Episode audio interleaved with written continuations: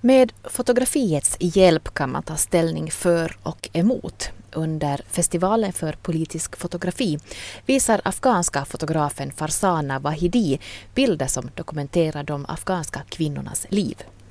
Själv beslöt hon att ta itu med sitt projekt när hon insåg hur ensidigt kvinnornas situation ofta skildrades i utländska medier. Men också för att hon var bekymrad över att det internationella intresset för landet har svalnat. En annan stark kvinna, Ronja Rövardotter, har haft premiär på Åbo Svenska Teater och i pjäsen finns också plats för cirkuskonster och akrobatik. Och också i Vasa har akrobatik varit på tapeten när Julia Johansson, som studerat cirkuskonst, uppträtt. Det var faktiskt så att eh, jag kommer inte ihåg vilket år det var, men det var en Nobelfest som jag såg i TV och så uppträdde de här artisterna från Cirkus Cirkör. Och jag blev alldeles sådär tagen för att de höll ju på med ny cirkus då, att det var inte den här traditionella cirkusen. Och så jag, jag vet inte, jag kollade väl upp på internet och så att oj men de har ett cirkusgymnasium och så sa jag till mina föräldrar att dit vill jag söka. Jag vill också göra sånt här. Det här är veckans Kulturmagasinet. Jag heter Jessica Morni. Välkommen in i manegen. Det har varit en efterlängtad premiär på Åbo Svenska Teater. Ronja och Birk och en massa håriga rövare huserar nu på teaterscenen, allt i regi av Fika Forsman. Marit Lindqvist, du har sett OSTs Ronja Rövardotter. Ja, det är ju alltid en stor förväntan man emotser en ny uppsättning av en Astrid Lindgren-pjäs. Jag vet inte exakt när vi senast har kunnat se Ronja Rövardotter på scenen men eh, Ronja Rövardotter utkom år 1981 och det var den sista barnbok som Astrid Lindgren skrev. Och den här boken den filmatiserades omgående och hade premiär redan år 1984 och det var ju Tage Danielsson som regisserade den här filmen som idag nog hör till de mest älskade av Astrid Lindgren-filmerna. Um, Redan fyra år senare, 1988, så fick texten sitt uruppförande på en teaterscen och det här var faktiskt på Svenska Teatern i Helsingfors och då på premiärkvällen så satt både Astrid Lindgren och Tove Jansson i publiken. Uh, nu på Åbo Svenska Teater så har man satt upp en pjäs som ganska väl håller sig till den här uh, filmens scenografi och filmens känsla. Jag har för mig själv tänkt att det kan vara ganska svårt att göra en teaterversion av en så pass älskad film, eller det, man har den här filmen i sitt bakhuvud när man går och ser en teaterföreställning. Um, på, på Åbo Svenska Teater så gör Julia Korander Ronja. Och jag måste säga att jag föll pladask för Julia Korander. Hon gör en fenomenal och frimodig tolkning av Ronja. Hon är, hon är kavat men hon är också väldigt känslig. Och man kan avläsa varje skiftning i känsloläge i hennes ansikte. Det är som om man skulle kunna ha en seismometer mot hennes ansikte. Ehm, och Ronjas bästa vän och bror eh, Birk görs för sin del av en sprudlande och lyhörd Markus Riuttu. Och tillsammans så blir Ronja och Birk, de är nästan som två, två lekfulla revungar som är fulla av upptåg och lek. Och det här samspelet mellan dem är helt fantastiskt. Det är sömlöst och det är klockrent. Det är ju så att eh, Ronja och Birk tillhör varsin rivaliserande rövarätt. De bor ute i de djupa skogarna. De här rövarsläkterna de utkämpar en segsliten maktkamp. Vi har då Ronjas far Mattis å ena sidan som bor i Mattisborgen tillsammans med sin familj och sitt rövarband. Och sen har vi då Birks pappa Borka som tillsammans med sin familj och sitt rövargäng har tagit sin tillflykt i Mattisborgens norra del. De har då flytt undan fogdeknektarna.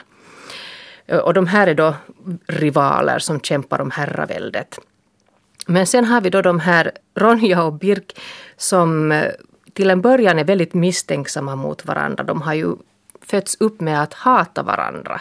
Det här är ett sådant självuppfyllande och oreflekterat hat som har odlats och förts vidare från generation till generation.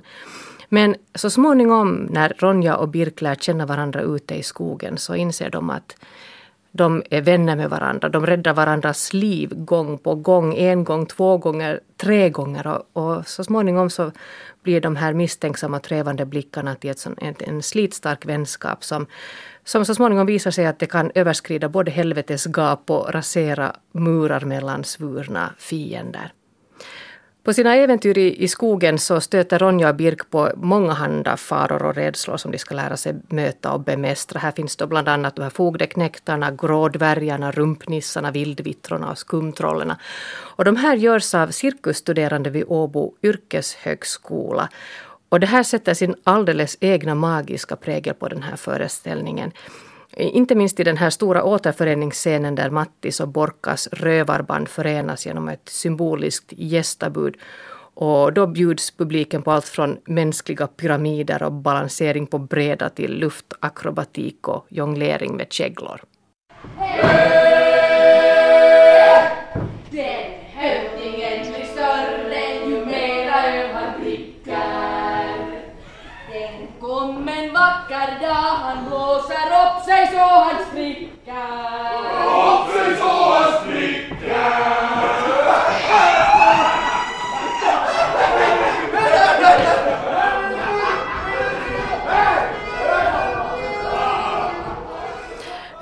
I Astrid Lindgrens värld är det ju barnet som står i centrum och det är alltid barnens intressen som hon sätter i första rummet. Eh, de här barnen som genomskådar de vuxnas osanningar och tillkortakommande och det är också barnen som visar på en väg ut ur all den här misstron och det här hatet. Eh, I Ronja Rövardotter så är det också barnen som ger uttryck för en sån här mer direkt och allomfattande kärlek till naturen. Det är nästan lite sådär Rousseau över det hela när Ronja och Birk flyttar ut i naturen och lever i björngrottan och ska leva av naturen och med naturen. Eh, samtidigt som det här blir ett slags övergång från barndom till vuxendom. Mm, naturen var ju oerhört viktig för Astrid Lindgren själv. Hon var ju uppvuxen på den småländska landsbygden och hon har sagt att naturen har varit det som har gett henne den största glädjen och också den största inspirationen. Och på 70 och 80-talet så var Astrid Lindgren oerhört engagerad i aktuell samhällsdebatt. Dels så var hon engagerad i socialdemokratins misslyckade skattepolitik men också hon engagerade sig också i de svenska husdjurens välfärd och för att bevara ett öppet landskap i Sverige. Och på 80-talet så kom hon att bli en av de stora förgrundsgestalterna inom den framväxande gröna rörelsen i Sverige. Och det här kan man kanske också se som en bakgrund till Ronja Rövardotter och den här naturskildringen som är så mustig och central. Eh, det här med att Ronja flyttar ut i skogen handlar ju inte enbart om att, att leva, leva och, och, lära sig att leva med de faror som finns ute i naturen utan det handlar ju också om för henne att, att leva med olika känslor som emanerar inifrån. Eh, förutom den här relationen mellan Ronja och Birk så finns ju den här centrala relationen mellan Ronja och hennes pappa Mattis som en sån här central knutpunkt i den här romanen och i den här föreställningen. Eh, I och med att Ronja blir god vän med Birk så raserar hon ju murar och hon, hon, hennes pappa Matti säger också att han har inget barn när han inser att, att Ronja vill Borka ätten väl. Och orsaken till att hon flyttar ut i skogen är ju också för att hon vill komma undan sin far och, och liksom tänka över saker och ting på samma sätt som Mattis tänker över saker och ting hemma hos sig i, i Mattisborgen så att säga. Eh, men så småningom så så återskapar de sin starka relation, Ronja och Mattis. Eh, Mattis har ju känt sig sårad på grund av dotterns rättframma rättframhet och rättsuppfattning och det har, det här skapat en spricka i deras relation men så småningom så, så inser de att den här kärleken mellan far och dotter tål allt och den bär allt och den tar inte slut vad som än händer. Och det här är kanske också en av de centrala budskapen i den här berättelsen. Att vilken förälder kan påstå sig vara karl för sin hatt om man inte kan ransaka sig själv, se sina fel och brister och be sitt barn om förlåtelse. Nu kommer mitt målskrik.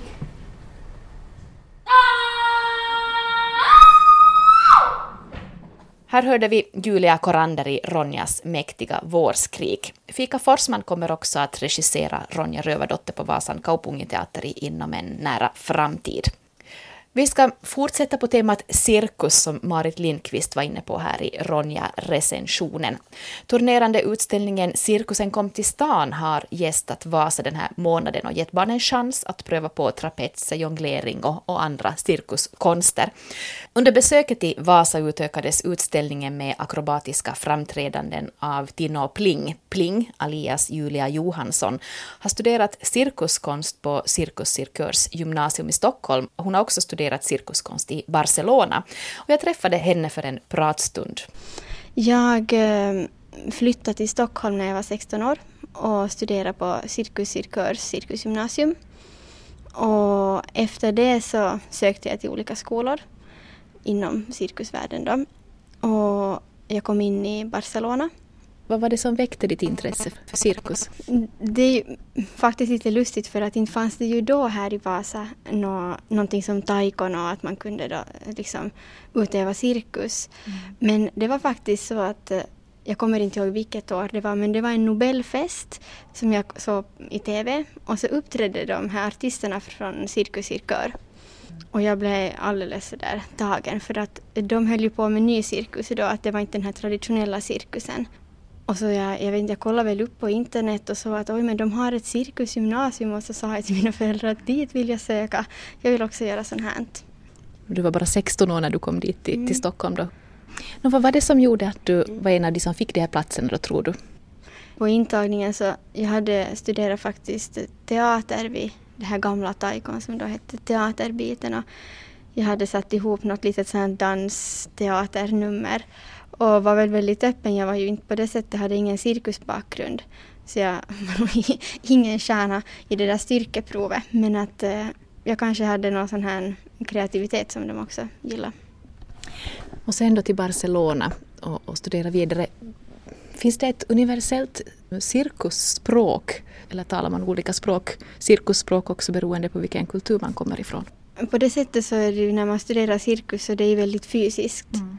Att också i Stockholm så hade jag lärare som kom från Ryssland och Mongoliet och, och USA, men då var det ju engelskan såklart. Men att de här ryska lärarna så pratade en väldigt knagglig svenska och, och så här att Ja, inte fanns det väl, jag vet inte vad jag ska kalla det, men att när man jobbar med kroppen så är inte språk det viktigaste att det, det, finns någon slags kommunikation finns där och man, och man lär sig liksom att vad det är de vill. Och... Fanns det någon gång en dröm om att jobba på cirkus, riktig, riktig cirkus för dig? Den här liksom traditionella cirkusen ja. med djur och tält. Ja. Nej, den har jag faktiskt aldrig haft. Det, jag, jag, hade nog helt från början liksom den här klara tanken att jag ville liksom jobba med, med cirkus och teater. Och, just då när jag började studera så då var Cirkus och Leiva liksom en sån här stor, vad ska man säga, idol. Mm. Det är kanske inte heller numera de som jag gillar mest inom cirkusvärlden men att nej, den här traditionella cirkusen har nog aldrig varit på tapeten. Och vad söker du förebilder då idag? Jag tycker att ibland så ser man ju någon föreställning som man inspireras av och så här. Jag har kanske inte riktigt någon klar förebild som jag följer sådär mm. men att jag tycker man blir väldigt inspirerad av mycket artister och både teatergrupper och dansgrupper. Och jag tycker om att googla och youtuba och, se vad liksom nya kompanier, vad de sätter upp och sådär. Det är en, en stor inspirationskälla. Fysisk teater blev det sen också för dig här på Novia. Det här med akrobatik, eh, att jonglera, att använda kroppen, det här.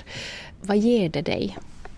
Alltså, bara den här ska vi säga, träningen överlag och hålla sig i form så har jag alltid tyckt om. Sen att liksom använda det för att skapa någonting och, och kunna sen förmedla någonting till en publik så det, jag tycker att det är alldeles toppen. Sådär, nej, jag, jag får jättemycket ut av det. Liksom, man lär sig mycket om sig själv men att det, det för mig är det väldigt tillfredsställande att, att arbeta liksom med kroppen och, och sen ännu till att få utöva det som yrke. Så gillar jag verkligen. Nå, där jobbar du då på den grundläggande konstutbildningen här inom Vasa stad. Jobbar med barn. Vad kan du ta med dig då från, från din erfarenhet till, till det här dagens undervisningsarbete? Jag tänker ju jättemycket på det just att när jag själv var barn så jag kommer ihåg att, att en, en så familjebekanta som bodde i Helsingfors så deras barn så tränade cirkus i Vanda. Och jag minns att jag tyckte att det var jättehäftigt så det brukar jag ofta tänka på. Att det här är liksom eh, är väldigt givande för barn. För det är också en, en mångsidig träning. Vi tränar ju liksom balans och det är styrketräning, vighet och koordination.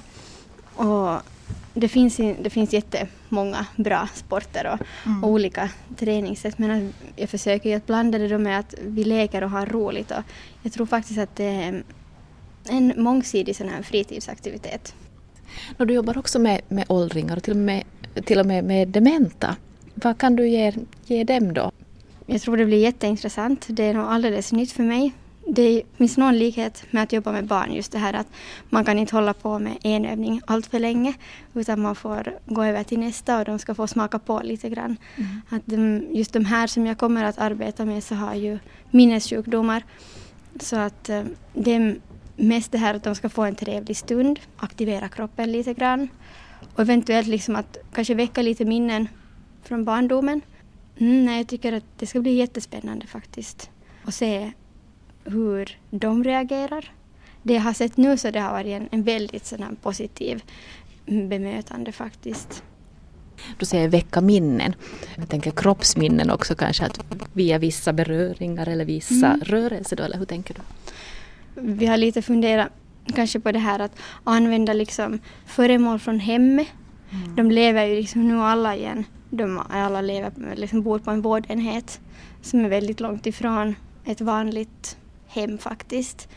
Så att där har jag tänkt väldigt mycket på att använda liksom föremål som kan förekomma i ett vanligt hem och också göra liksom dansanta rörelser men som påminner om ett, ett arbete man kanske gör i hemmet som att städa och sånt här som alla de säkert har gjort för flera år sedan. Någonting som är bekant för dem, rörelser som är bekanta för dem. Julia Johansson har delat sin tid mellan Vasa och Barcelona i Spanien eftersom hennes man, den andra halvan i Tino och Pling, som vi hörde om här i början, är hemma från Barcelona. Om man då jämför synen på barnkultur i de här två städerna, vad är då slående enligt Julia Johansson?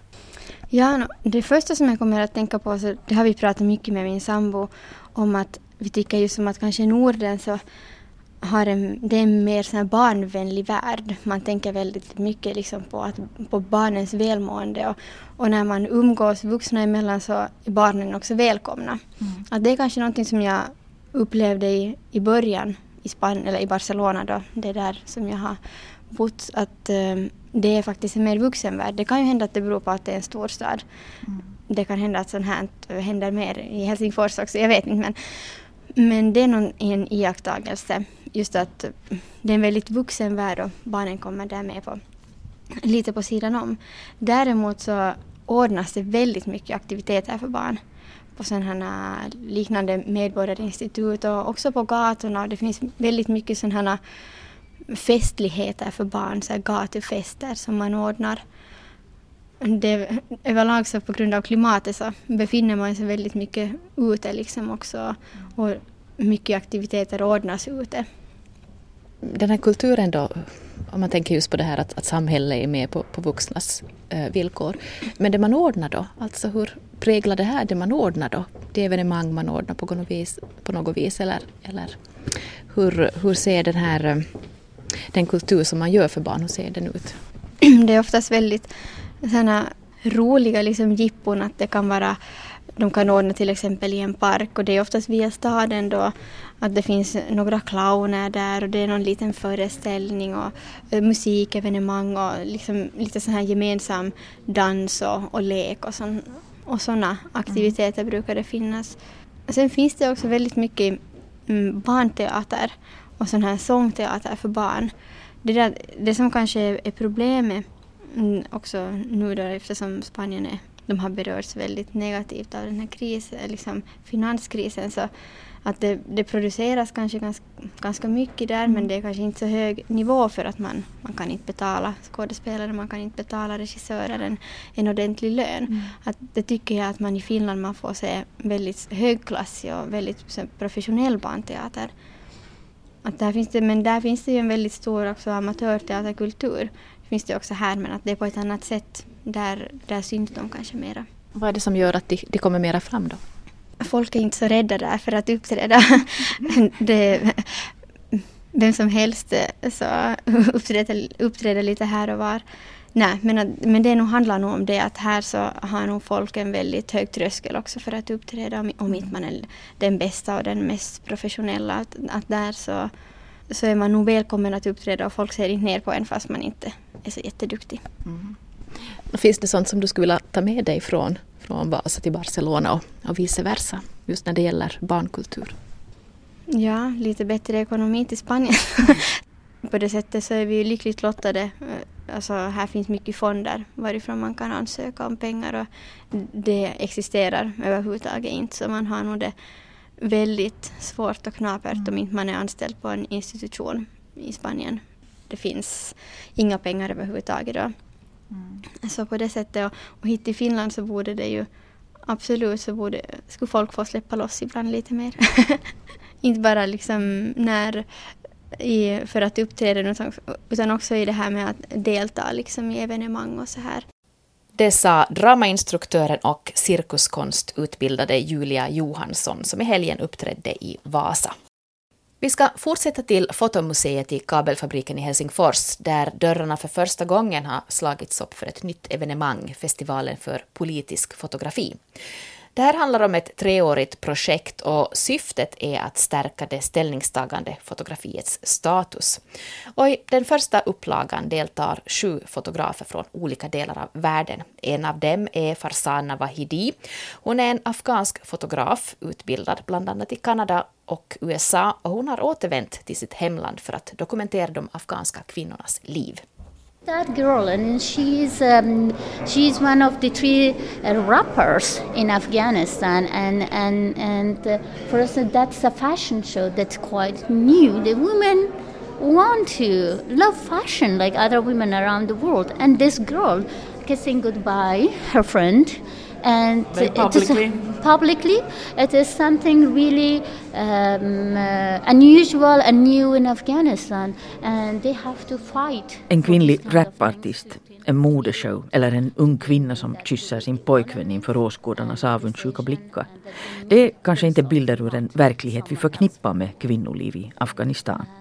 I Farzana Wahidis fotosvit råder ofta skarpa kontraster brännskadade kvinnor som satt eld på sig själva i protest mot sin livssituation sida vid sida med de perfekta och självsäkra modellerna på catwalken. Men också bilder från vardag och fest med hög igenkänningsfaktor. Själv beslöt hon att ta itu med sitt projekt när hon insåg hur ensidigt kvinnornas situation ofta skildrades i utländska medier. Men också för att hon var bekymrad över att det internationella intresset för landet har svalnat. Samhället förändras, säger Wahidi. Och bland dagens unga kvinnor finns det många som är beredda att kämpa för sina rättigheter. Men det är en skör process som är beroende av omvärldens stöd. Det there has been some changes for women in the last 10 years. And I hope that kommer the international attention comes back to Afghanistan and we do receive help. Otherwise, if we don't, um, we may lose this little bit of change and this little bit of opportunity that I've, uh, I've gained in the last 10 years because it's very fragile and it's, it's just in a spark and it has to be protected. Utställningen på Fotografiska museet har fått titeln Till tredje led. Gemensamt för alla deltagare är att de visar hur livssituationer, värderingar och traditioner tenderar att gå i arv. Också betraktarnas. Den svenska fotografen David Magnusson deltar till exempel med en fotoserie som har väckt mycket diskussion överallt där den har visats. Han har avporträtterat amerikanska fäder och döttrar som har valt att delta i en så kallad Purity Ball-ceremoni. En kristen ceremoni där unga flickor förbinder sig till avhållsamhet före äktenskapet samtidigt som deras fäder förbinder sig till att beskydda och stödja dem. Alltså när jag först läste om Purity Ball-ceremonin så visste jag inte riktigt vad jag skulle tro. Jag fick tanken om livrädda amerikanska pappor som satt med geväret i högsta hugg på verandan beredda att göra vad som helst för att skydda sina döttrar. Men samtidigt så blev jag eh, fascinerad av fenomenet så jag började läsa allt jag kunde hitta hitta uh, eh, av intervjuer med de flickorna och papporna som har deltagit i balerna. Och jag fick, ju mer jag läste desto mer fick jag intrycket av att de här papporna, ja, vad heter, kanske bara gjorde det de hade lärt sig från sin religion och sin kultur för att skydda dem de älskar på det bästa sätt de, hade, de kunde. I många fall var det också flickorna själva som hade tagit initiativ att gå på de här balerna, ibland med pappor som inte ens visste vad en purity ball var innan de blev ditbjudna av sina döttrar. Och jag blev ganska slagen av hur starka mina egna reaktioner hade varit mot det här fenomenet utan att jag egentligen visste någonting om det jag ville eh, utforska det här vidare genom att fotografera en serie porträtt eh, med tanken att de skulle vara så vackra att de jag fotograferade själva skulle kunna vara stolta över bilderna samtidigt som de från en annan kulturell bakgrund kanske ser en helt annan historia i exakt samma fotografier. Vad är det som driver flickorna? Hur mycket pratar du med dem? Jag har, jag har intervjuat alla som jag har träffat och porträtterat och det som driver, det som driver de allra flesta, det, den främsta orsaken är ju en, att de är djupt religiösa. Det här är deras tolkning av hur man följer vad de säger då är Guds ord för hur man ska leva sitt liv.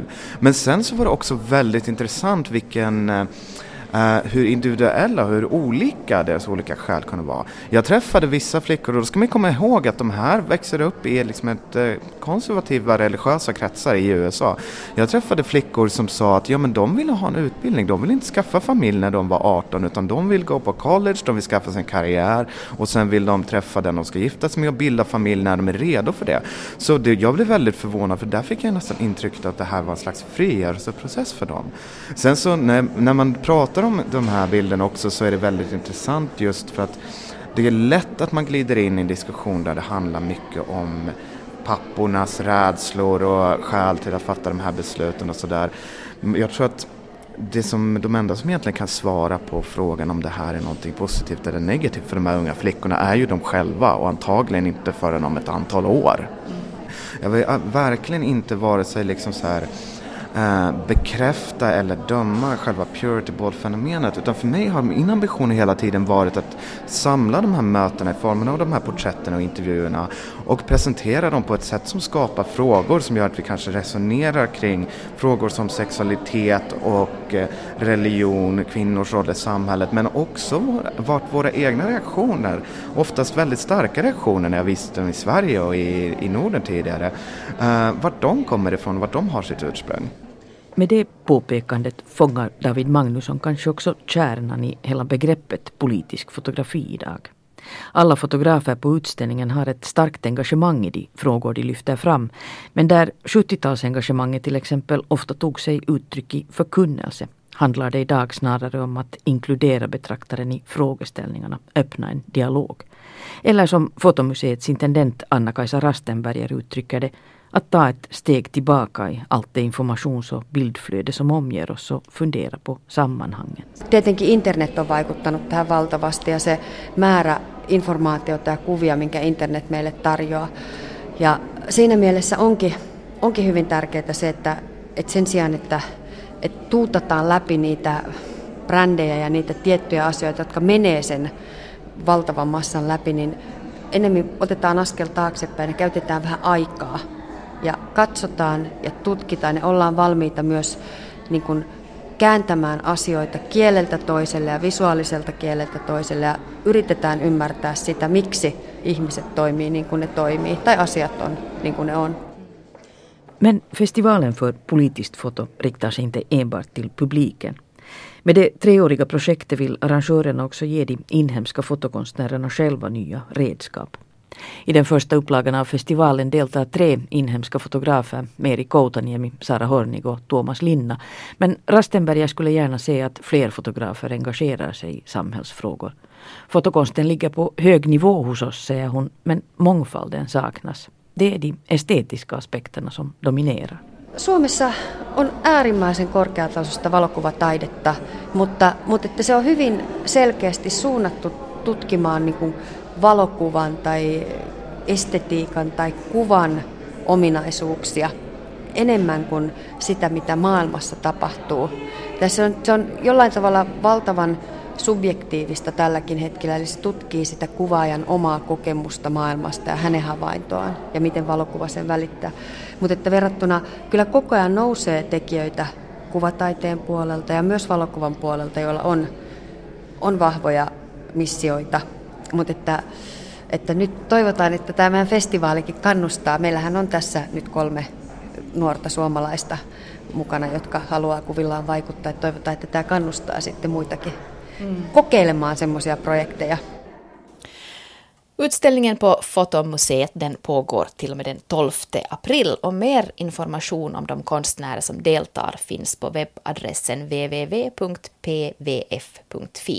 och Eh, PVF det står för Politisen valokuvan Festivali. Kulturmagasinet är slut för ikväll, men lyssna också på Filmmagasinet på fredag och Bokmagasinet på söndag. Tack för ikväll. Hej!